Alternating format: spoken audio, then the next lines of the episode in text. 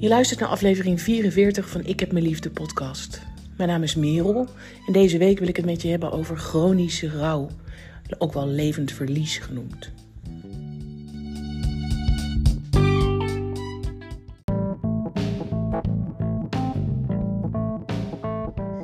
En voordat we de podcast induiken samen, wil ik reclame maken voor mijn boek Ik heb me lief, hoe ik mijn eigen reddingsboei werd. In het boek lees je mijn verhaal en ik ga ongelooflijk met de billen bloot. Zo lees je bijvoorbeeld over mijn zoektocht naar liefde, uh, mijn lessen die ik leerde van mijn burn-out, hoe ik heb leren leven en nog steeds aan het proberen ben uh, met een chronische en progressieve ziekte. In mijn geval is dat MS.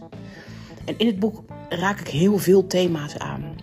Het gaat over van jezelf leren houden, uh, een moeizame relatie met mijn ouders, Um, hoe ik ongelooflijk heb gestruggeld met het feit dat mijn ouders op latere leeftijd gingen scheiden. Uh, en hoe ik toen ongelooflijk vluchtte in werk, mannen, drank, drugs. Ik heb er echt een potje van gemaakt.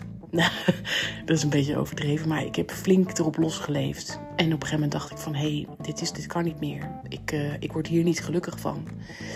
En, uh, maar wat dan wel? Ik wist het niet. Ik wist ook niet hoe ik dat aan moest pakken.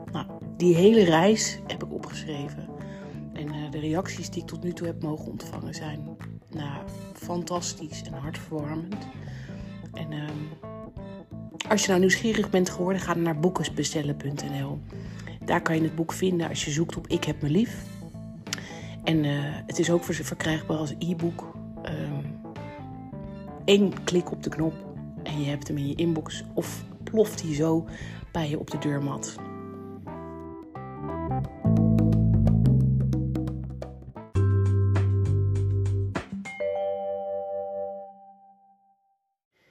En de aanleiding van deze podcast is dat ik er middenin zit, in die rouw.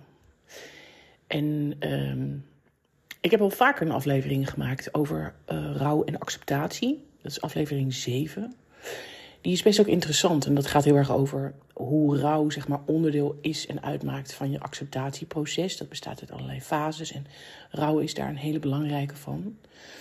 Maar daar wil ik het nu eigenlijk helemaal niet over hebben. Ik wil het vooral hebben over hoe het voelt hoe rouwen voelt en hoe het is, voor mij althans. En ik denk dat we daarin allemaal wel bepaalde uh, elementen hetzelfde voelen. Het loopt natuurlijk bij iedereen anders. Iedereen heeft ook een ander gevoelsleven. Maar um, dat wil ik nu graag. Even daarbij stilstaan. Van wat is het nou eigenlijk? Hoe voelt het? Hoe herken je het? En nou ja, dat. En om gelijk maar met een stukje theorie te beginnen. Wat is nou precies chronische rouw? Wat is levend verlies? Um, neem vooral ook een kijkje op de website van Yvonne Langhaar. Zij heeft daar hele interessante stukken ook over geschreven. En um, heel veel beeldmateriaal van zichzelf, maar ook van andere mensen daarover gepubliceerd. Dus yvonnelanghaar.nl. De website die ik nu uh, uh, met je wil delen, of een stukje ervan, dat is begrepenklachten.nl. En het stuk wat daar staat over levend verlies vind ik echt zo enorm treffend. Luister. Veel mensen zullen bij rouw vooral denken aan het afscheid nemen van een dierbare. Maar rouw kan ook te maken hebben met een ander verlies, zoals het verlies van een relatie, van een baan of van gezondheid. Rouw wordt meestal gezien als een tijdelijk proces waar je doorheen moet. Je gaat als het ware door een tunnel totdat er aan het einde weer licht ontstaat. Er zijn inderdaad omstandigheden waarin rouw, na verschillende fases van gemis en verdriet, een plaats krijgt. Verwerken is niet altijd het juiste woord, maar je vindt een weg om de draad weer op te pakken en het verdriet te verweven in je leven. Wanneer je een chronische ziekte of beperking hebt, krijg je te maken met een verlies dat niet eindigt, maar dat blijft leven. Je moet steeds weer dingen opgeven. Grote dromen, maar ook de kleinste dagelijkse dingen. Werk, hobby's, je zelfstandigheid. Het leven dat je leeftijdsgenoten he, leiden. Het zijn vaak de dingen die voor andere mensen vrij normaal zijn. Spontaniteit en onbevangenheid verdwijnen. Je toekomstperspectief is onzeker en je moet altijd rekening houden met je ziekte. Chronische rouw is iets anders dan gecompliceerde rouw, waarbij we zien dat het rouwproces stagneert na het overlijden van een dierbare. Bij chronische rouw gaat het niet om stagnatie, het gaat om steeds opnieuw rouwen na nieuwe verliezen. Er is geen tunnel om in te duiken en uit te komen. Het is iets wat blijvend is. In iedere fase van je leven en op iedere nieuwe dag loop je tegen nieuwe rouw aan. Alsof een wond steeds weer open gaat voor een, voor een litteken zich heeft kunnen vormen. Mensen om je heen willen graag dat je op een gegeven moment over je rouw heen bent. Hè? Dat het litteken gevormd is en dat je weer gelukkig bent. Maar zo makkelijk gaat dat niet. Het hangt natuurlijk ook af van je ziekte en de beperking die het leven in je leven ervaart. De een kan alles doen, alleen op een rustiger tempo, en de ander is bedlegerig geworden. Bij de een is het aanpassen aan de omstandigheden en voor de ander is het een heel nieuw leven. Ook spelen je karakter en andere omstandigheden een rol in hoe je het rouwproces ervaart. Mooi. Dit is precies uh, wat er nu ook aan de hand is. Hey, ik ben even op een andere plek gaan zitten. Ik uh, ben tijdens het wandelen op mijn lievelingsmuurtje gaan zitten en ik kijk nu uit over de rivier de Amer. Het waait best wel hard. Het kan best zijn dat je af en toe eventjes wat hoort ervan, maar volgens mij is het best prima te doen zo.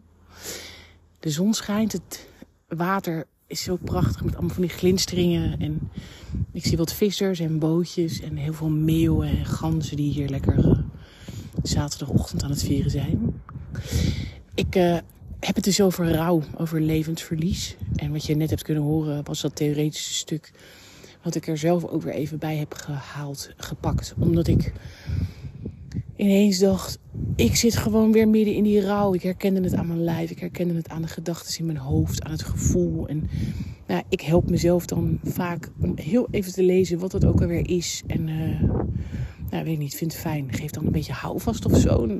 het is ook een soort van het opfrissen van mijn theorie. Zo van, oh ja, dat is, dat is dit en dit werkt zo.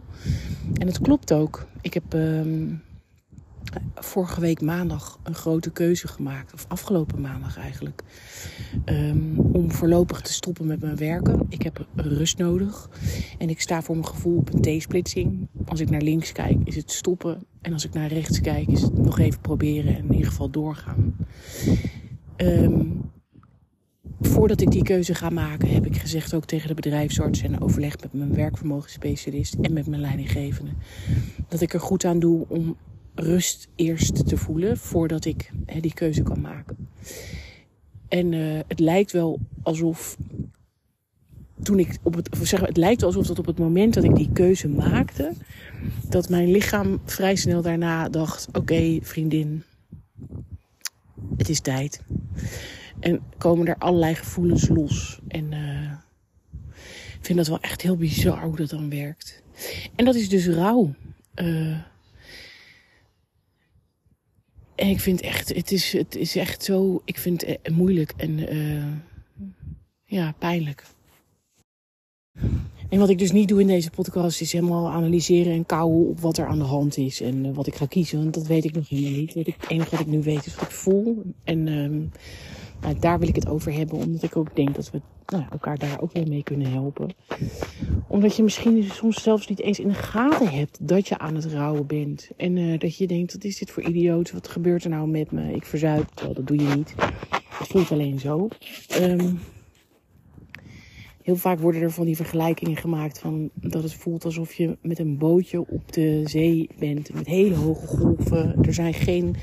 Je, je hebt misschien wel een paar peddels, maar die doen het niet. Of je hebt geen peddels en je gaat een kopje onder. En ze moet snakken naar zuurstof. En dan ineens dan is het weer wat rustiger en dan komt het weer terug. Het gaat echt in golven. En dat is wel echt nog steeds zo.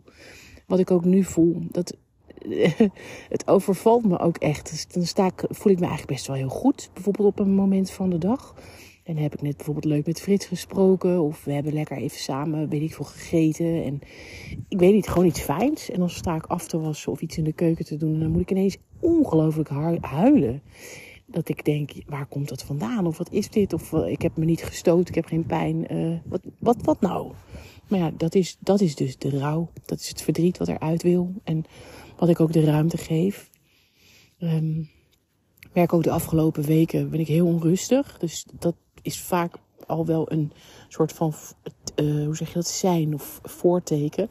Maar die heb ik niet als zodanig uh, geregistreerd. Ik dacht gewoon dat ik boos was omdat ik steeds ziek ben en uh, nou ja, dat. Maar heel erg onrustig. Um, ik merk ook een bepaald soort paniekgevoel in mijn lijf, in mijn buik Gisteravond lag ik in bed en ik was een heel fijn boek aan het lezen. En toen werd ik ongelooflijk zenuwachtig ineens. Heel gek gevoel. En ik probeerde dat nog een soort van weg te ademen. Dat lukte niet. Dus toen ben ik weer naar beneden gegaan. En toen ben ik bij Frits op de bank gekropen. En toen heeft hij mij vastgepakt. En toen heb ik ook heel erg gehuild. Met heel veel snot en tranen. En nou ja. Gewoon, het moet er dan ook uit. En dat is dan prettig. Ik ben ongelooflijk moe. Ik voel me verschrikkelijk moe. Ik zei het van de week ook al in een story dat het lijkt alsof ik ben overreden door een soort van stoomwals. Maar tegelijkertijd, als ik dan naar bed ga, dan wil ik niet slapen. Of dan lukt dat niet. Dan ben ik nog te onrustig. Um, ik vlieg van hot naar her met mijn gedachten. Ik wil eigenlijk vluchten voor het gevoel. Dus ik ben allerlei dingen aan het bedenken die je kan doen in huis. Ik heb gisterochtend heb ik dat nog weten uit te stellen. Want ik werd wakker. Toen had ik heel veel pijn in mijn lijf. En toen gingen mijn hersenen. En Corrie, mijn eh, papegaai, had allemaal hele grote plannen voor de dag. En toen ben ik op de yogamat gaan zitten. En ik dacht, ik ga juist het tegenovergestelde doen. Als mijn lijf zoveel pijn heeft en zoveel signalen afgeeft. Dat het rust nodig heeft. Dan ga ik niet rennen en vliegen. Maar goed, halverwege de dag stond ik toch boven op zolder met allerlei meubels uh, in mijn handen. en toen dacht ik, ja, laat maar, het is prima. Af en toe eventjes dit doen is goed als ik dan tussendoor maar gewoon rust neem en daarna. Dus ik heb de zolder veranderd. Um, ik heb bijna elke schilderij in huis vastgehad. En dat hangt nu op een andere plek. Um, wat ik heel leuk vind en lekker vind ook. Dus om na te denken en op te ruimen. Want ik geloof ook heel erg dat hè, opruimen letterlijk gewoon in je huis of weet ik veel waar, uh, is ook weer, heeft ook weer een impact op hoe je het in je hoofd hebt. Zo werkt het bij mij althans. Dus ik probeer zoveel mogelijk mee te bewegen bij dat soort oprispingen. Maar als het een beetje te gortig wordt, probeer ik ook wel op de rem te trappen. Ik praat veel met mensen, ik huil veel. Ik vertel dat ik verdrietig ben. Um, ik geef mijn lijf de zorg die het nodig heeft. Ik heb allemaal pijntjes en gekke kwaaltjes en dingetjes. En ja, rouwen is echt raar, man. En uh, het stuk wat ik ook aan het begin van de podcast voorlas, hè, over die tunnel. Dat, is, dat lijkt me zo fijn dat je gewoon weet, ik zit er nu even in. En straks aan het eind is het gewoon voor altijd afgelopen. Dan, is het, uh, dan, dan leer ik ermee leven. En wat die uh, dame of heer ook in het stuk schrijft, ik weet even niet of het een man of een vrouw is, is ook niet zo interessant. Um, die zegt dan ook natuurlijk bij chronische ziekte, bij chronische rouw, is het er altijd. En ik heb zeker geleerd om er mee te leven. En ik merk ook dat ik het heel prettig vind dat ik weet hoe die processen gaan en hoe ik erop reageer en welke hulpmiddelen er zijn en waar ik gebruik van kan maken. Maar dat neemt niet weg dat het heel moeilijk is en uh, het soms zo uitzichtloos kan voelen. En dat de ene rouw ook de andere niet is. Dus wat ik zei, ik heb ermee leren leven en het het is er altijd, maar het is heel vaak ook heel erg naar de achtergrond in periodes dat het gewoon wel lekker loopt. En dan merk ik het heel vaak niet eens op. Maar nu bij zo'n groot ding, weer bij zo'n grote verschuiving, bij dat op die rem moeten en willen trappen en toch ook het, het maken van de keuze straks van stop ik wel of niet met werken. Daar komt gewoon zoveel bij kijken. Zoveel gevoel wat daar nog zit en zat. En ook overtuigingen en hoe ik graag had gewild dat mijn leven eruit zag. En ik mis mezelf zo. Dat is het gewoon. Ik mis dan de oude uh, fysieke uh, mogelijkheden die ik allemaal had. Weet je, ik wil geestelijk nooit meer terug en mentaal naar wat uh, spiritueel of hoe je het noemen wil, naar hoe, hoe ik was. Maar mijn oude lijf, oh wat mis ik het erg. Nou ja, en dat is dus de hele dag nu aanwezig in een, een soort van cocktail. En ik weet niet hoe lang het gaat duren. Um, ik heb de tijd. En uh, misschien ook fijn om even te vertellen, merk ik aan mezelf ook, wat ik doe. Hoe ik, hoe ik hier dus verder mee omga en hoe ik zorg voor ja, toch wel wat lichtpuntjes in de week en op de dag. Een van de belangrijkste is dat ik mezelf de ruimte geef. Dus ik heb echt afspraak met mezelf gemaakt dat alles mag. Als ik nu zeg ik wil een banaan, maar ik zeg over twee seconden ik wil toch liever een appel, is het prima. Ik ga mezelf daar niet over of om veroordelen. Um, ik merk ook dat Corrie uh, en het roze die kunnen het echt best wel prima met elkaar vinden. Corrie zorgt dat ik blijf staan. Het papegaaitje zorgt dat ik af en toe even ga zitten of liggen. Die zijn echt best wel lekker met elkaar in, uh, in balans. Dat vind ik prettig. Um, en verder, wat ik doe, is eigenlijk heel simpel. Het zijn ehm, de meest basis of basale dingen die je maar kan bedenken. Ik zorg dat ik genoeg rust. Ik zorg dat, ik, uh, dat er genoeg zachtheid is. En zachtheid kan in heel veel dingen zitten. In steun van andere mensen, in steun van mezelf, in lekkere zachte kleding, fijne douchespulletjes, uh, body lotion, weet ik veel. Gewoon zacht, noem het ook zelfs zacht eten. Gewoon alles zacht, fijn. Um, vooral ook goed eten. Dus ik heb van de week, vroeg ik aan Frits of hij baklava wilde meenemen. En daar heb ik onwijs lekker van gesmuld. En tegelijkertijd maak ik dan ook een hele grote bak met witlofsalade. Dus ik zorg voor goede voeding. En um, om, dat, dat heeft ook meteen weer impact op, hoe mijn lijf uh, zich houdt. En hoe ik me voel in mijn hoofd. Dus qua energie. En zoveel mogelijk bewegen. Ik heb veel pijn. Wat ik zei, ik ben erg moe.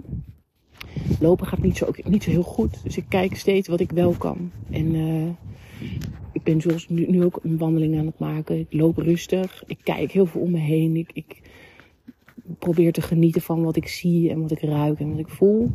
Ik uh, rust meer, dus ik zit nu lekker op dat muurtje. En dan ga ik zo meteen lekker weer op huis aan. En dan mijn middagdutje doen. En dan is het wel weer klaar voor vandaag. Ja, dus bewegen, voeding, plezier ook maken. Um, dus ik probeer dingen op te zoeken die ik leuk vind. Ik probeer met mensen contact te hebben die ik leuk vind als ik er energie voor heb. Um, Frits en ik gaan morgenochtend naar Rotterdam samen.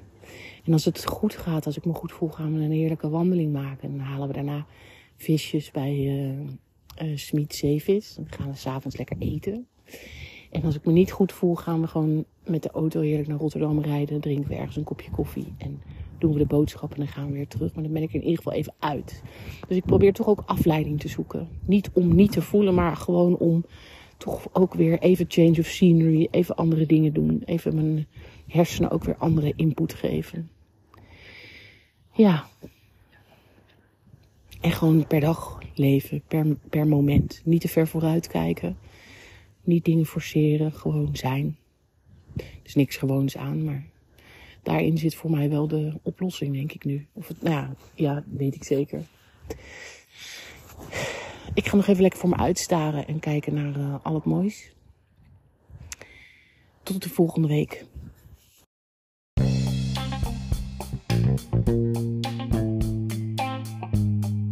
Vond je deze podcast nou leuk? Dan help je mij onwijs door hem te liken. En beter nog, abonneer je op deze podcast in je favoriete podcastkanaal. Als je dat doet, wordt die beter gevonden en kan ik steeds meer mensen bereiken. Lijkt me zo tof. Dankjewel.